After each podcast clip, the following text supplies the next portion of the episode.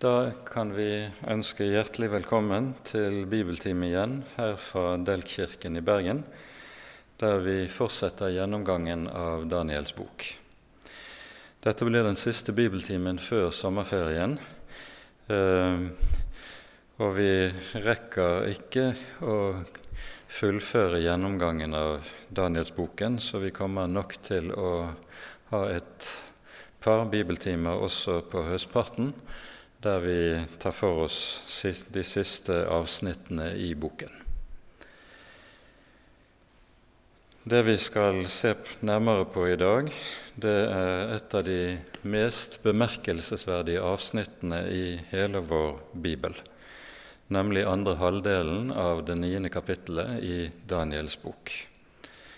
Dette, dette avsnittet er så særegent og så spesielt at du ikke finner noe tilsvarende noe annet sted i Den hellige skrift. Og det henger uløselig sammen med den sammenheng som Daniel står i når han ber sin botsbønn i begynnelsen av kapittelet. Men før vi sier mer om dette, så la oss be sammen om Guds ånds veiledning i Skriften. Herre du hellige og store Gud. I din hånd er alle våre tider. Du har skapt oss. Du er den som tar deg av oss i stort og i smått her i livet, og fører oss frem mot målet hos deg. Takk at du har gitt oss din egen sønn. Du sparte ham ikke, men ga ham til sonoffer for oss alle. Og med det, Herre, har du også lovet å gi oss alle ting med ham. Nå ber vi, gode Herre og Gud, at du vil sende din Hellige Ånd, og at du vil åpenbare dine ord for oss. Skriv ordet, Herre, inn i våre hjerter, slik at troen og håpet kan styrkes ved ordet ditt. Det ber vi i Jesu navn, og takker og lover deg, Herre, fordi du er god, og din miskunnhet varer til evig tid. Amen.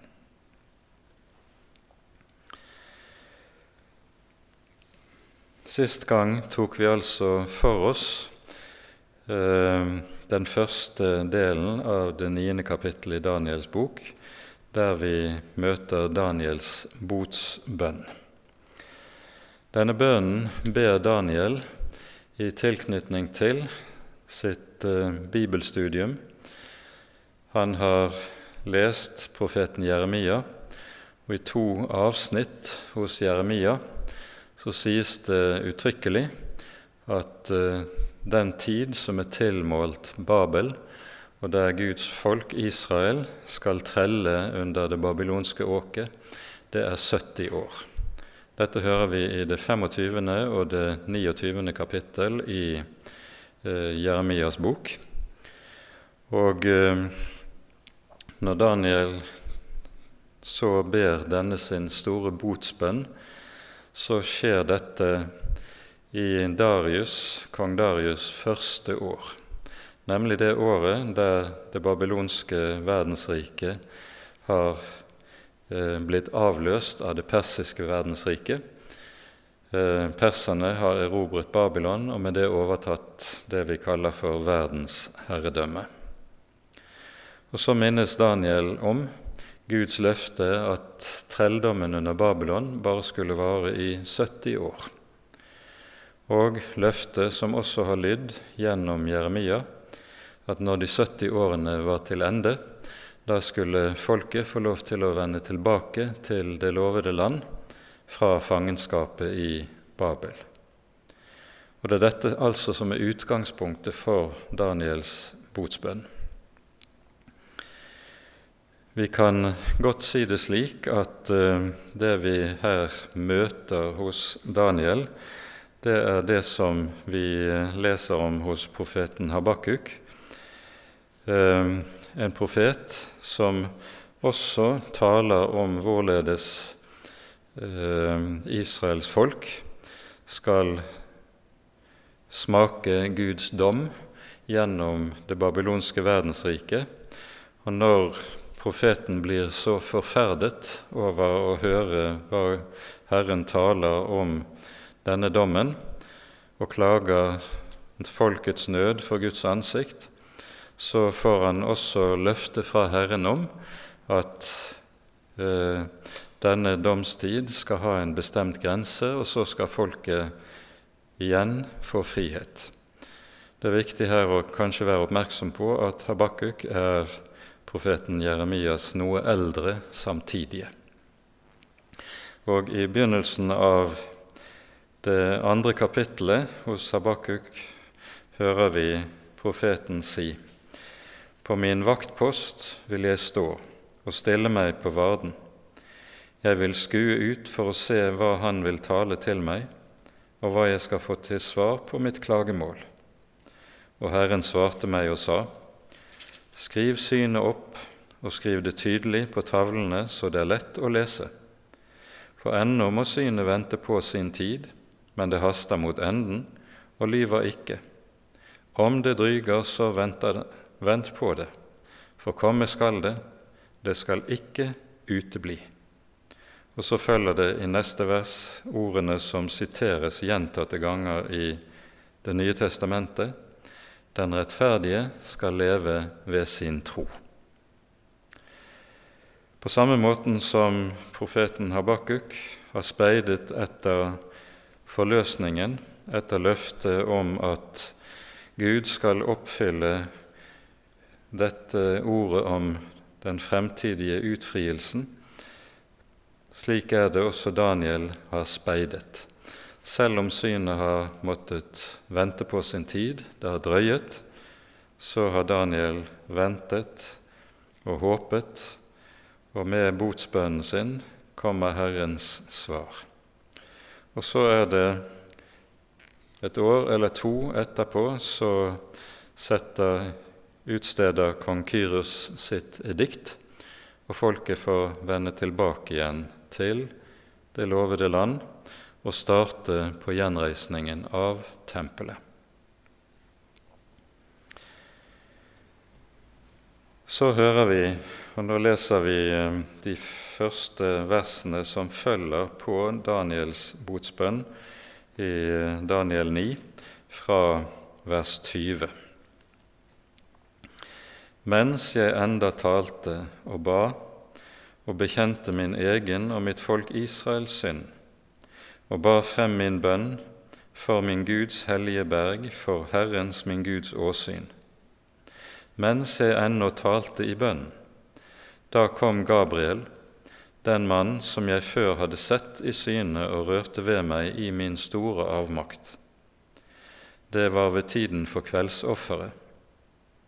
Han lærte meg og talte til meg og sa:" Daniel, nå er jeg kommet hit for å lære deg å forstå. Med det samme du begynte å bære frem dine ydmyke bønner, gikk det ut ett ord, og nå er jeg kommet for å kunngjøre deg det. For du er høyt elsket. Så merk deg ordet, og gi akt på synet. Dette er altså innledningen til det budskapet som følger i de neste versene, vers 24 til 27, i det niende kapittel hos Daniel.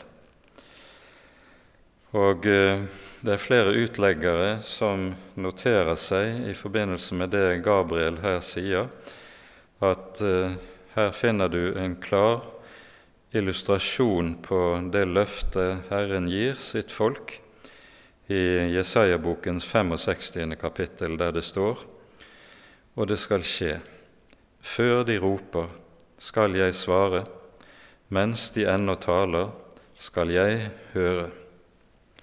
Slik er det at Daniel får erfare nettopp dette. Engelen Gabriel er den eneste av Herrens engler som navngis i Det gamle testamentet.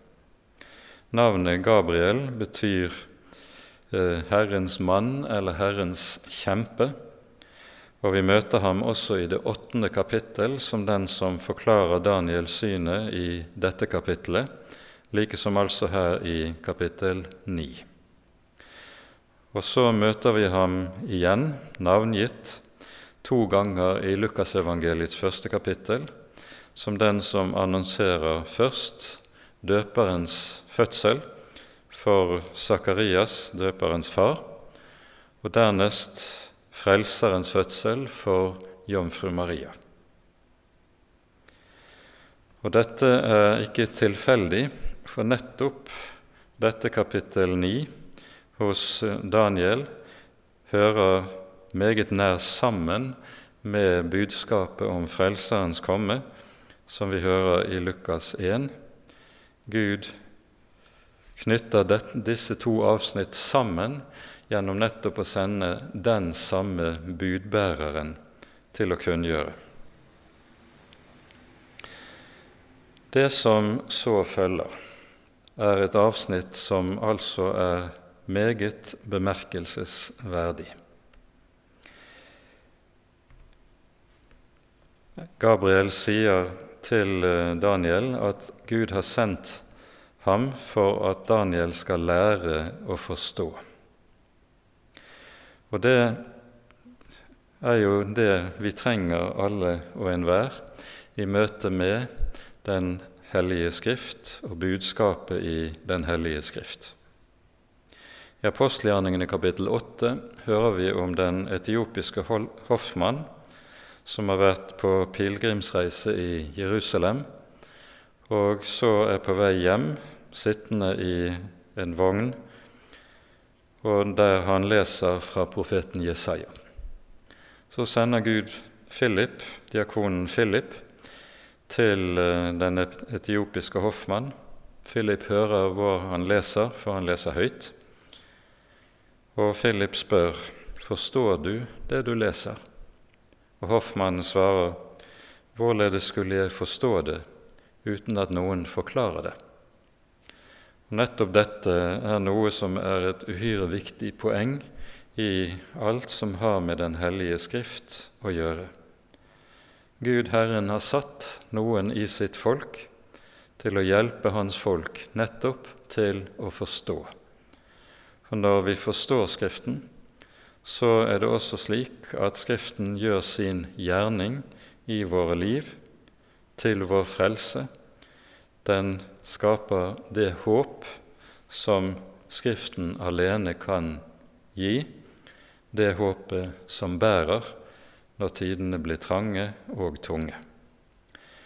Og Det er nettopp dette som nå kunngjøres for Daniel i de påfølgende versene. Vi leser så fra vers 24 til 27. 70 uker er tilmålt ditt folk og din hellige by, til å innelukke frafallet og til å forsegle synder, og til å dekke over misgjerning, og til å føre frem en evig rettferdighet, og til å besegle syn og profet, og til å salve et aller helligste. Du skal vite og forstå. Fra den tiden ett ord går ut om å gjenreise og bygge Jerusalem, inntil en salvet, en fyrste, står frem, skal det gå syv uker og 62 uker. Det skal igjen settes i stand og oppbygges med gater og vollgraver, men under tidenes trengsel. Etter de 62 uker skal den salvede utryddes og intet ha. Byen og helligdommen skal bli ødelagt av folket til en fyrste som kommer, og slutten på det er oversvømmelse, og inntil enden er det krig, ødeleggelse er fast besluttet. Han skal stadfeste en pakt med mange for en uke. Midt i uken skal han bringe matoffer og slakteoffer til å opphøre. På styggedommens vinger skal ødeleggeren komme, og det inntil tilintetgjørelse og fast besluttet straffedom strømmer ned over den som volder ødeleggelsen. Amen. Her hører vi altså profetien om de 70 ukene, de 70 årukene. Eh, alle utleggere av dette avsnittet er enige om at eh, begrepet uke betegner en periode på syv år, og en kaller det derfor gjerne for årukene. Og Tallet 70 det refererer seg jo, som vi naturlig nok forstår det, nettopp til det løftet som hadde lydd gjennom profeten Jeremia om de 70 års trelldom under Babylon.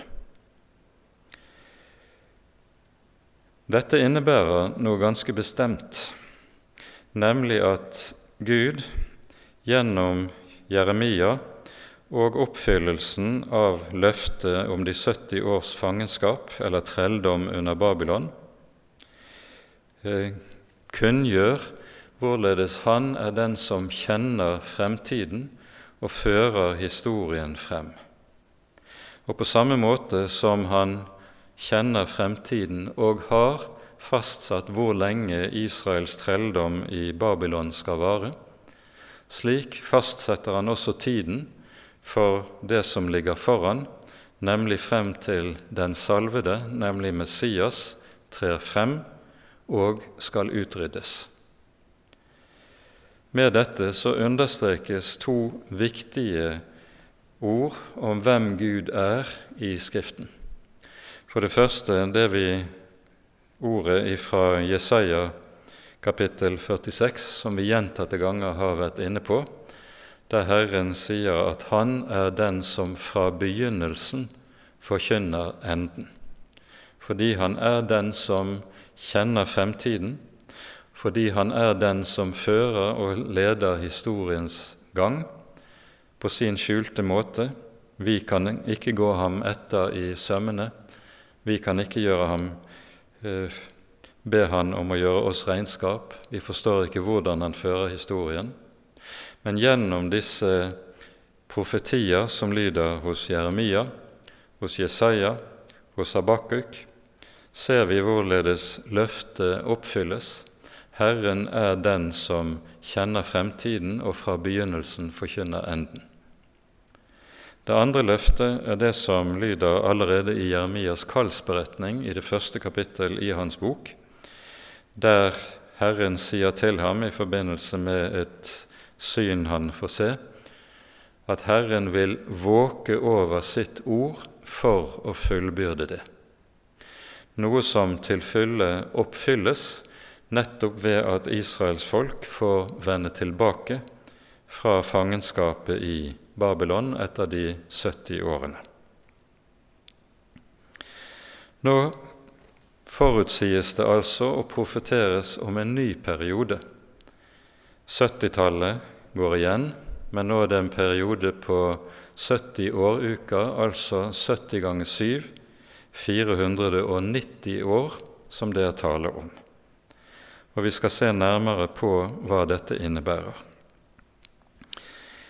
Det er altså slik at eh, når Israels folk får vende tilbake på Kyros eh, bud, så skjer det i år 536 antagelig før Kristus. Da er det gått 70 år siden det babylonske riket ble verdensrike. Her er det, det er dette vi leser om i Esras bok. Esra er den som leder den første gruppen av eh, de som vender tilbake fra Babylon til det lovede land. Og det de skal gjøre, det er å starte gjenreisningen av tempelet. Dette hører vi altså om i Esras bok, og vi hører også om det hos profeten Haggai og også profeten Zakaria. For Haggai og Zakaria virker eh, i disse årene blant de som er kommet tilbake fra fangenskapet, for å oppmuntre, for å gi Herrens veiledning i denne tiden. Og det er en meget vanskelig tid. Og det er ikke en veldig stor andel av dem som var i fangenskapet, som har vendt tilbake heller. Men litt om litt klarer de etter hvert altså å gjenreise hel helligdommen i Jerusalem, selv om det på langt nær har den prakt og herlighet som det hadde før det ble ødelagt. Salomos tempel var jo et praktfullt byggverk. Så går det en periode på en god del år, og så står det, som vi leste eh, i vers 25, fra den tid et ord går ut om å gjenreise og bygge Jerusalem, til en salvet står frem. Når var det det gikk ut et ord for å gjenreise og bygge Jerusalem? Det skjer under den perioden som vi hører om hos Nehemias, som er en 70-80 år etter Esras tid. Jerusalem blir nemlig ikke gjenreist eh, av de som først vender tilbake fra fangenskapet. Eh, og på Nehemias tid, hører vi i det første kapittelet i hans bok, så ligger Jerusalem fortsatt for en stor del i ruiner. Tempelet er riktignok gjenreist, men byen er fattig og i stor nød. Så er det da Nehemia får lov av den persiske kongen som da råder. Det er Artaxerxes Longimanus, som han heter. Han gir Nehemia tillatelse til å vende tilbake med tanke på å gjenreise Jerusalem. Og Dette arbeidet hører vi altså om i Nehemias bok, hvordan bymurene rundt Jerusalem repareres og gjenreises, og en langt større andel av folket tar bolig i byen, og det begynner igjen å bli hus og et levende byliv i byen. Dette skjer antagelig i år 455 eller 453 før Kristus.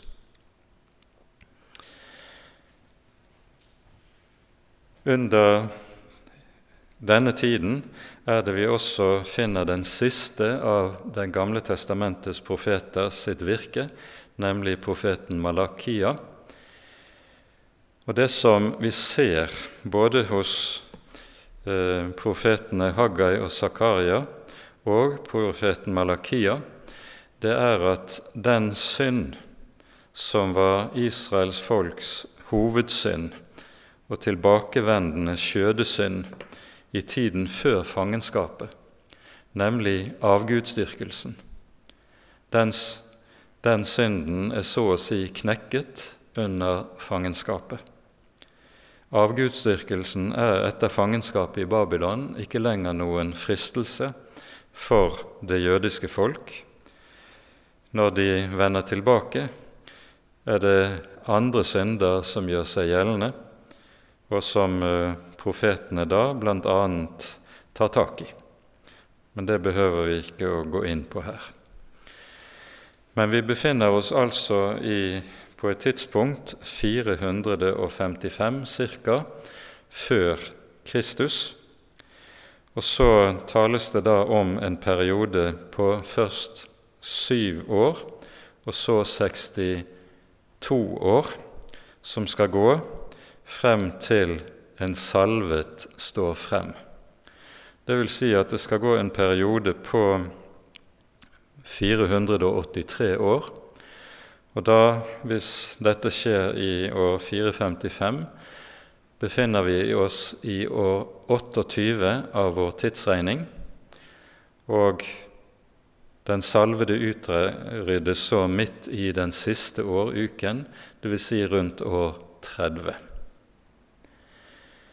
Det dette innebærer, er at den nøyaktige tiden for Kristi fremtreden med dette altså er forutsagt gjennom Daniels profeti om årukene. Nå er det flere forskjellige måter å tolke dette som vi her har for oss, på. Vi skal ganske kort nevne de tre hovedtolkningene av eh, årukene. Den første er det som kalles for den historiske tolkningen av årukene. Der mener en at den salvede prest, som det her er tale om, og som skal utryddes, sikter til den store trengselen som skal være i forbindelse med Antiokus Epifanes og Makabea-tiden, som vi har talt om i forbindelse med det åttende kapittel. Her hører vi bl.a. i denne tiden at ypperstepresten Onias den tredje myrdes, og vi hører om de store trengsler i forbindelse med at Antiokus stanser offertjenesten i tempelet og vanhelliger tempelet. Problemet med denne forståelsen er at da blir eh, årukene noe som overhodet ikke stemmer. Eh, tidsangivelsen stemmer overhodet ikke, så den blir feilaktig. Den andre eh, hovedfortolkningen av dette det er den fortolkningen en finner innenfor den såkalte dispensasjonalismen, som skriver seg fra bevegelsen som ble kalt for Plymouth-brødrene i England fra 1800-tallet. Det er det som kalles den eschatologiske forståelsen. Her mener man at etter de 69 ukene, eller mellom de 69 første ukene og den siste åruken, eh, går det en mellomperiode, et stort mellomrom, slik at den siste åruken den sikter til historiens avslutning, når Antikrist trer frem, det antikristelige verdensriket, og at dette da utgjør så å si forløperen for det jordiske tusenårsriket som skal opprettes. Det er med andre ord da tale om det som kalles for et profetisk mellomrom, eller en profetisk pause, mellom eh, den 69. og den siste uken. Til det er det å si at dette er en meget presset eller tvunget utleggelse som er vanskelig å få til å stemme med teksten overhodet. Den tredje utleggelsen det er det som kalles for den messianske utleggelsen, og som undertegnede vil stå for, der vi nettopp ser hvorledes de 69 årukene peker frem til det nøyaktige tidspunkt for Kristi fremtreden og eh, hans død og korsfestelse.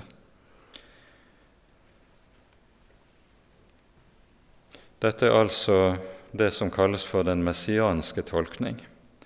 Og Sammenhengen i det niende kapittelet hos Daniel er altså at de 70 årenes fangenskap blir noe som blir et forbilde på de 70 åruker som så skal følge for folket frem til frelsen er fullbyrdet. Dette får være nok som en oversikt over de ulike forståelsesmåtene av dette. Men vi går nå inn i teksten konkret. Det sies altså 70 uker er tilmålt ditt folk og din hellige by. Det at Guds folk, altså Daniels folk Israel, er tilmålt 70 uker, dvs. Si 490 år, det er 490 års nådetid. Etter disse 490 årene vil folkets nådetid opphøre av det som fortelles, og som vi hører om etter de 69 ukene. Folket er altså tilmålt 490 år. Og det er den nåde som Daniel har bedt om for folket i første delen av kapittelet, som folket får tildelt i disse årene.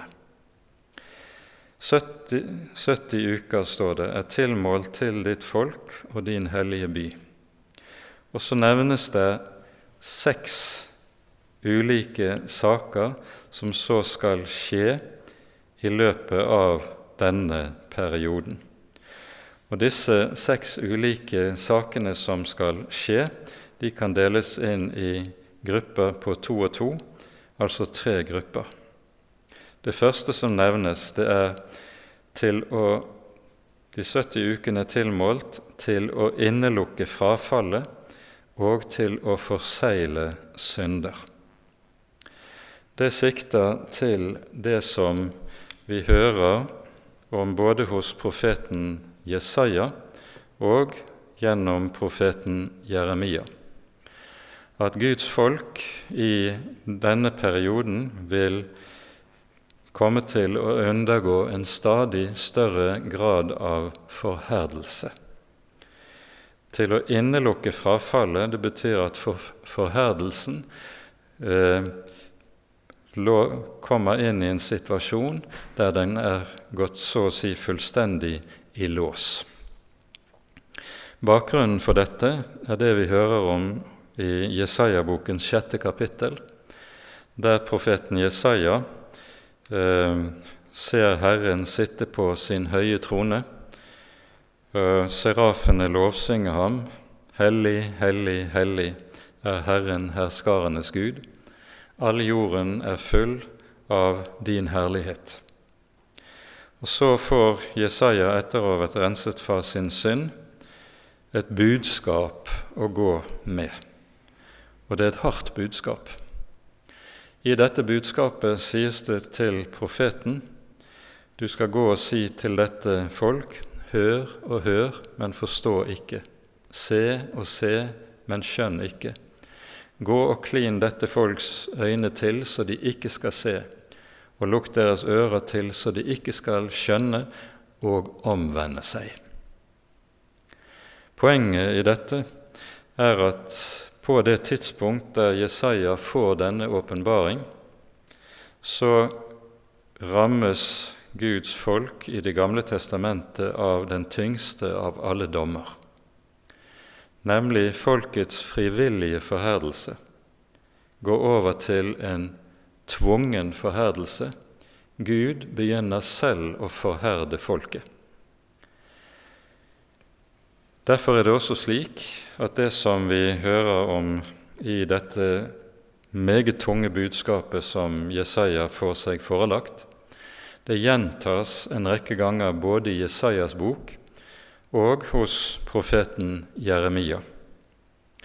Og Når vi kommer til Det nye testamentet, så gjentas disse ordene nettopp i møte med det jødiske folks forherdelse overfor Jesu person og overfor apostlenes budskap etter oppstandelsen. Derfor møter vi dette ordet ved fire helt avgjørende punkter i det nytestamentlige budskap, nemlig i Matteusevangeliets 13. kapittel, der Jesus begrunner hvorfor han taler i lignelser. Lignelsene er nemlig en, tale, en form for tale som har det ved seg at for de som tar Guds ord til hjertet og vender om, så lukker de opp Guds rikes hemmeligheter men for de som ikke tar til seg Guds ord, så vil lignelsene virke forherdelse, ytterligere forherdelse. Det samme ordet gjentas i Johannesevangeliets tolvte kapittel. Deretter hører vi det i apostelgjerningenes 28. kapittel, der vi hører om forherdelsen i møte med Paulus' evangeliebudskap. Og så i Romerbrevets ellevte kapittel, der det på ny er tale om at Gud har for en tid latt forherdelse komme over det jødiske folk. En dag skal denne forherdelsen tas bort, og øynene skal åpnes, men for en tid så kommer dette altså til å gjelde. Og det er det som menes med dette ordparet vi her hører. Når frafallet skal innelukkes og syndene forsegles, så betyr det altså at forherdelsen skal eh, så å si gå i lås på en slik måte at synden ikke lenger kan være noe folket blir løst fra. Tvert om, de bindes fast til sine synder, slik at det ikke lenger er forlatelse for synd. Det er dypt alvorlig, det som sies med dette. Det neste ordparet som vi møter, det er at 70 uker er eh, tilmålt for å dekke over misgjerning og føre frem en evig rettferdighet. Det er altså det motsatte av det som lyder i det første ordparet. Det som står i grunnteksten her, når det står 'dekke over misgjerning', så står det et ord som bokstavelig betyr å sone misgjerning. Det skal altså se en soning for all misgjerning, og vi møter noe av det samme hos profeten Zakaria, som sier i eh, sitt løfte i det tredje kapittelet i sin bok at Herren skal ta landets misgjerning bort på én en eneste dag. Og eh, i eh, det 13. kapittel hos Zakaria sies det også uttrykkelig at eh, det skal være en åpnet kilde mot all synd og urenhet. Der synden blir tatt bort, der synden er sonet, der skapes der rettferdighet. Dette er rettferdiggjørelsen, slik som den er talt om i eh, gammeltestamentlig språkbruk. Rettferdiggjørelsen, som det her er tale om, den er omtalt en rekke steder i Det gamle testamentet også, ikke minst hos profeten Jesaja, som når han ser frem mot den kommende frelsen ved Messias, så sier han f.eks. i det 53. kapittel derved at de kjenner ham, skal den rettferdige min tjener rettferdiggjøre de mange. Det er altså å lære Jesus å kjenne. Det å komme til tro på Jesus. Det fører med seg at et menneske blir rettferdiggjort, og dette er en evig rettferdighet. Det vil si at det er en rettferdighet som bærer inn i evigheten, som holder for evigheten, og som ikke kan ødelegges på noen måte av mennesket. Det er fordi at på grunn av at Han som fullbyrder denne rettferdighet, er den han er. Han er den som kommer ovenfra, ikke nedenfra. Det skal dekkes over misgjerning, og det skal føres frem en evig rettferdighet. Og så kommer det siste ordparet til å besegle syn og profet og til å salve et aller helligste. Å besegle syn og profet, det betyr at syn og profet nå går fullt og helt i oppfyllelse.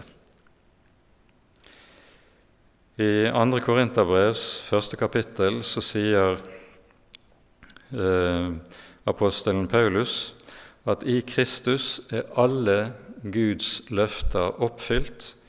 I ham har alle Guds løfter fått sitt ja og sitt amen.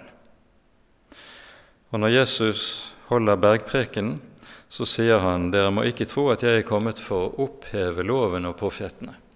Nei, jeg er ikke kommet for å oppheve, men for å oppfylle.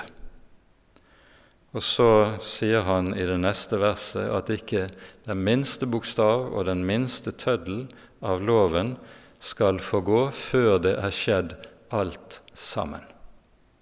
Og Nettopp dette er det som skjer i forbindelse med Kristi liv og virke her på jorden. Da skjer det alt sammen. Da går alt det Herren har sagt og lovet, i oppfyllelse. Og på denne måten besegles, stadfestes og oppfylles syn og profet.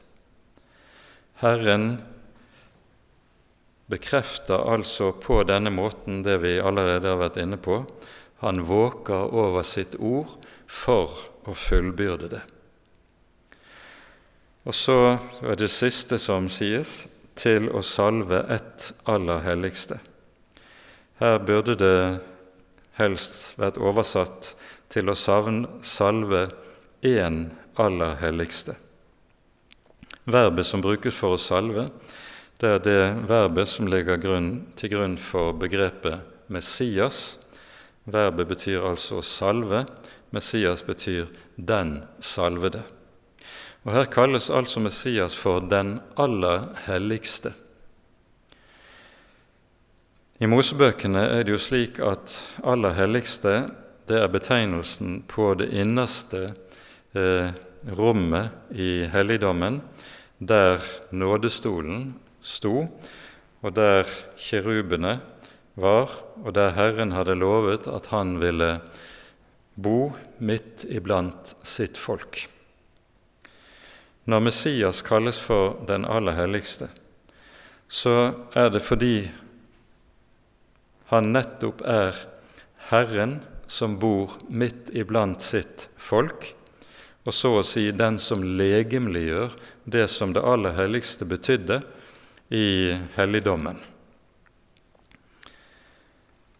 Det er med andre ord her ikke tale om noen innvielse av tempelet, men det er tale om en innvielse av en person, Messias, som salves.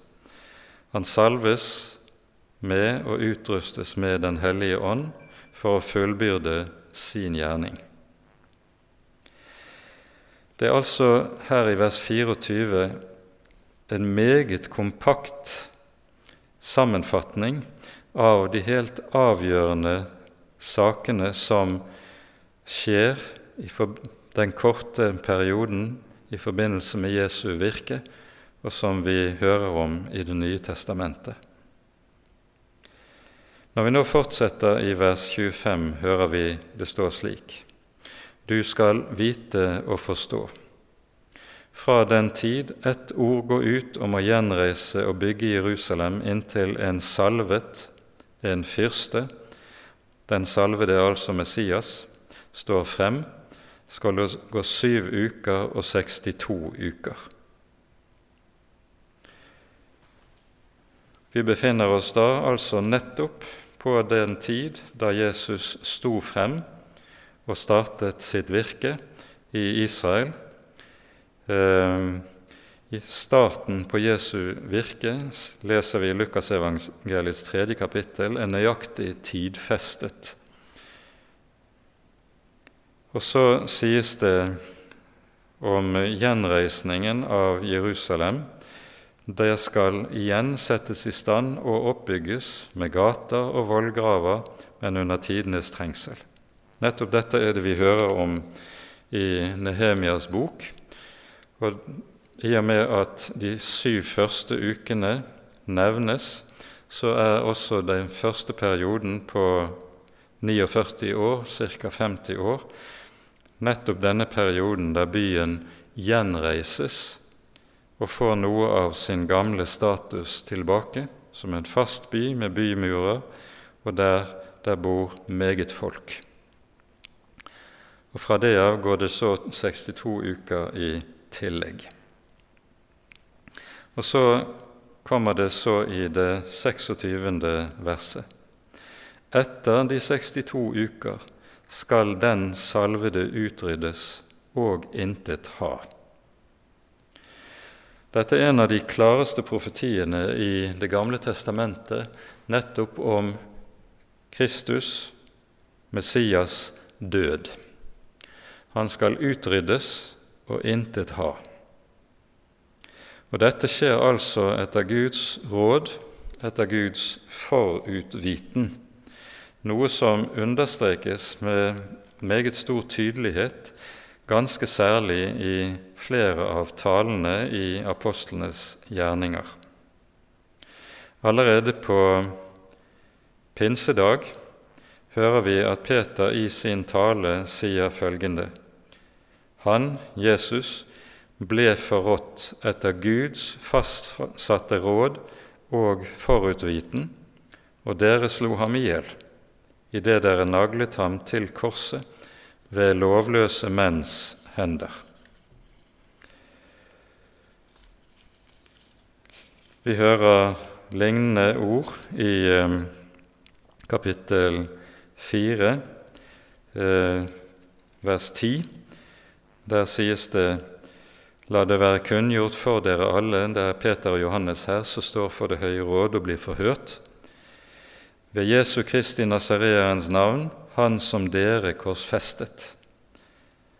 Han er den stein som ble forkastet av dere bygningsmenn, men som er blitt hovedhjørnestein. Dette er altså forutsagt etter Guds råd, og så sies det kanskje aller mest tydelig på slutten av det fjerde kapittel, når Peter og Johannes er kommet tilbake til menigheten, og menigheten samstemt ber med ord hentet fra Salme 2. Der sies det i denne bønnen i det 27. verset i apostelgjerningene 4.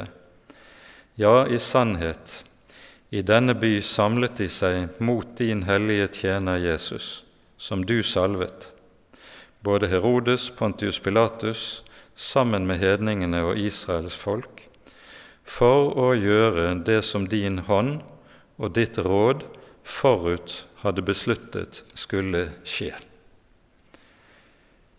Nettopp dette som her sies, det slutter seg til denne profetien i Daniels boks niende kapittel om at her forutsier og forutbestemmer den hellige Gud, historiens Herre, at Hans Messias skal utryddes og intet ha.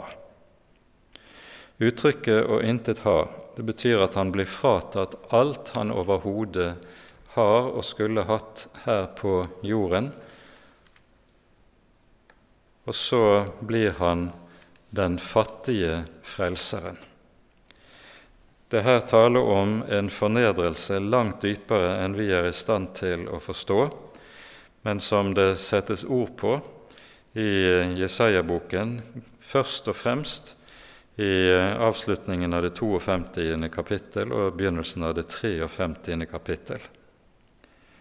Her sies det om Messias.: Se, min tjener skal gå frem med visdom. Han skal bli oppløftet og opphøyet og være meget høy like som mange var forundret over deg. Så ille tilrett var han at han ikke så ut som et menneske, og hans skikkelse ikke var som andre menneskebarn. Her skildres hans fornedrelse, og så hører vi videre i kapittel 53. Han hadde ingen skikkelse og ingen herlighet. Vi så ham, men han hadde ikke et utseende så vi kunne ha vår lyst i ham. Foraktet var han og forlatt av mennesker, en smertens mann, vel kjent med sykdom.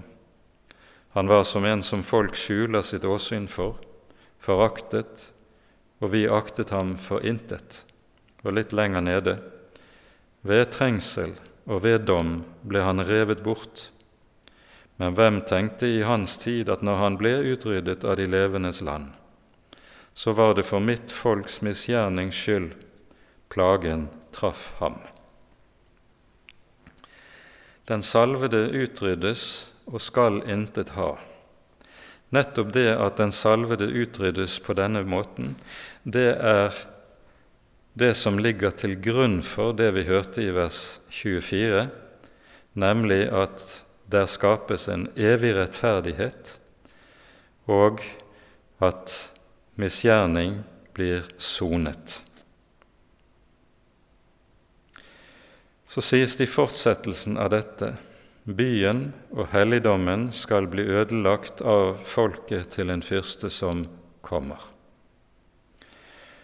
Og med det er vi altså kommet til det fjerde verdensriket, som var omtalt både i kapittel 2 og i kapittel 7.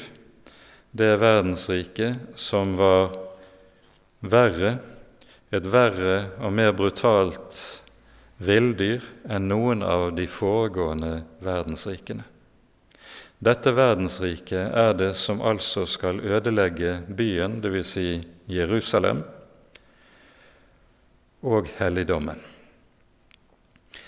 Det som her sies i vers 26 og 27 om den forestående ødeleggelsen av Jerusalem, er det Jesus knytter til i sin store endetidstale i Matteusevangeliets 24. kapittel, når han taler om at ikke sten skal bli tilbake på sten, verken i tempelet i Jerusalem eller i byen. Denne forutsigelsen skjer antagelig i år 30, og 40 år etterpå er det at romerne, et kommende fyrstes folk, ødelegger, inntar Jerusalem og ødelegger byen. De romerske soldatene etter inntagelsen gjør seg flid med å bryte ned og ødelegge både bymuren og selve tempelet og alt som hører til. Den som utfører dette verket, eller som er den romerske generalen, det er Titus, sønn av Vespasian, som eh, da var utnevnt til romersk keiser. Og den dag i dag finner man på Forum Romanum i Roma Titus' triumfbue, som markerer seieren over det jødiske folk eh, etter oppstanden fra år 67 til år 70. På denne triumfbuen er det bl.a. også hogget inn bildet av skattene fra tempelet i Jerusalem som de romerske soldatene erobret. Her kan man også se den syvarmede lysestaken fra tempelet, som ble båret i triumftog gjennom Roma etter seieren. Inntil enden er det krig. Ødeleggelse er fast besluttet. Når det sies 'fast besluttet', så henger det sammen med det som var sagt innledningsvis i det 24. verset. 70 uker er tilmålt ditt folk. Det er den nådetid som folket fikk, og denne nådetid avløses nå av en domstid for folket på grunn av den forherdelse som kom til å råde. Jesus hører vi om i Lukasevangeliets 19. kapittel. Når han drar inn i Jerusalem, så gråter han over byen. Han sørger over det han vet ligger foran, og sier, Visste du, om enn i dag, hva som tjente til din fred? Men nå er det skjult for dine øyne.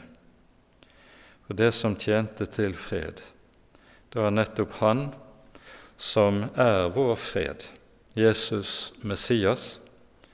Han er vår fred fordi han er vår rettferdighet, fordi han er den som har sonet våre synder. Vers 26 sier altså etter de 62 uker skal den salvede utryddes, og intet ha. Hva denne utryddelsen av den salvede innebærer, det sies så i vers 27, første del av verset. Han skal stadfeste pakten, eller egentlig står det en uke skal gjøre pakten fast for de mange. Det er her tale om den nye pakt, en pakt som altså også Jeremias har talt om og profetert om i sin bok. I det 31. kapittelet hos Jeremia så hører vi nettopp om at den pakt som Herren sluttet med folket ved Sinai, den kommer til å bli avløst av en ny pakt, fordi folket har brutt den gamle pakten. Og Når vi i Det nye testamentet hører om den nye pakt, så er dette noe som særlig blir lagt frem for oss, som vi minnes om hver gang vi feirer Den hellige nattverd. Dette er den nye pakt i mitt blod, som utgytes for dere til syndenes forlatelse. I Hebreabrevet er dette et av hovedtemaene i brevet. Fra det syvende kapittel i Hebreabrevet hører vi i vers 22 at Jesus er blitt borgsmann for en bedre pakt, altså en pakt som er bedre enn den gamle pakt. Og så hører vi om videre hvorledes i kapittel 8 eh, forholdet mellom den gamle og den nye pakt settes kontrasteres imot hverandre. Og likeledes i det niende kapittel før vi hører om hvilken stor rikdom der ligger i den nye pakt i forhold til det som var gitt i og med den gamle. I den siste åruken så er det altså at pakten blir fast for de mange. Det er altså slik at i de første årene som følger umiddelbart på pinsedagen, er det at den nytestamentlige menighet skapes og får rotfestes og stadfestes, slik at pakten blir fast for de mange. Og Når det her er tale om de mange, så tenkes det ikke lenger kun på Israels folk, på det jødiske folk. Det tenkes på alle folk, alle folkeslag, fordi når Jesus dør for synden, så dør han for alle menneskers synd, ikke kun for Israels synd. Og så kommer avslutningen av det 27. verset, hva dette innebærer.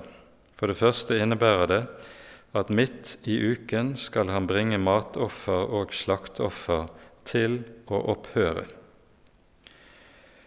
Det at Jesu død er det endelige og egentlige offer, kommer til å gjøre offertjenesten i tempelet i Jerusalem overflødig.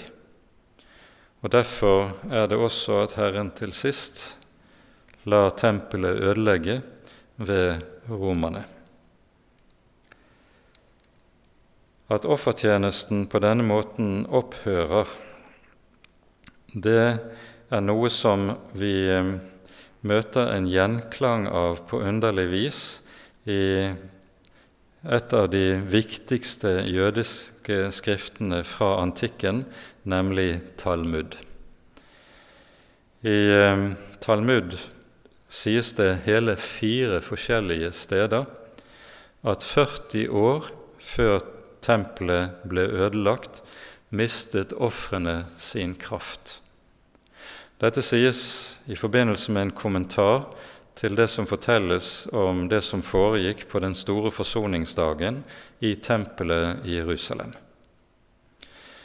På den store forsoningsdagen, som altså var et halvt år etter påsken, da Jesus led døden på korset og sto opp igjen, på den store forsoningsdagen dette året, så kunne folket altså følbart se og merke at ofrene ikke lenger hadde noen kraft. Og at dette har gjort så dypt inntrykk at det gjentas hele fire ganger i Talmud, sier ganske meget om denne saken. Til slutt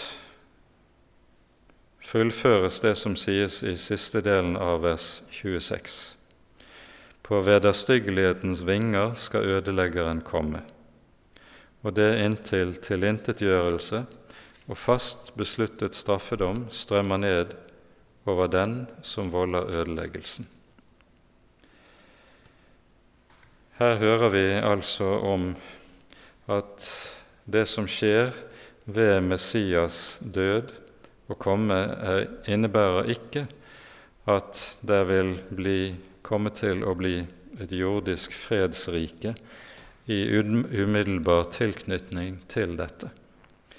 I stedet varsler, varsles det gjennom Daniel at den historiske epoke som ligger etter dette, det er en epoke som vil være preget av mye uro, mye krig og mye ødeleggelse i folkeverden. Noe som nettopp Jesus også gjentar og utlegger videre i sin store endetidstale i Matteusevangeliets 24. kapittel, og som vi også hører mer om i åpenbaringens som vi finner i Johannes' åpenbaring. På denne måten så ser vi at disse ganske få versene i eh, Daniel 9 er umåtelig innholdsmettede, samtidig som de gir et perspektiv over fremtiden, både frem til Messias komme, hans død og hva denne hans død betyr, og den videre historie, som vi knapt finner make til ellers i Det gamle testamentet. Og Dette gjør altså at denne teksten som vi her har for oss i kveld, det er en tekst som står i en særstilling i Det gamle testamentet. I Romerbrevets 15. kapittel så sies det at vi skal merke oss det som er gitt oss i de hellige skrifter, på grunn av det håp som Skriften gir.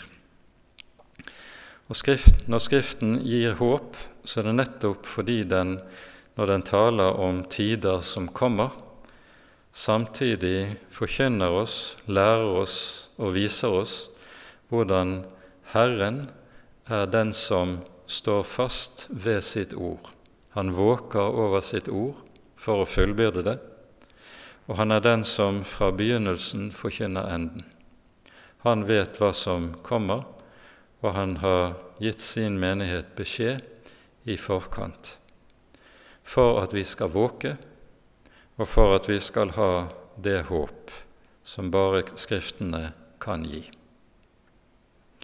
Ære være Faderen og Sønnen og Den hellige ånd, som var og er og være skal, en sann Gud, høylovet i evighet.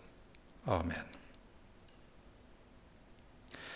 Med dette avsluttes altså den siste bibeltimen nå før sommerferien, og vi kommer tilbake til Daniels bok til høsten igjen og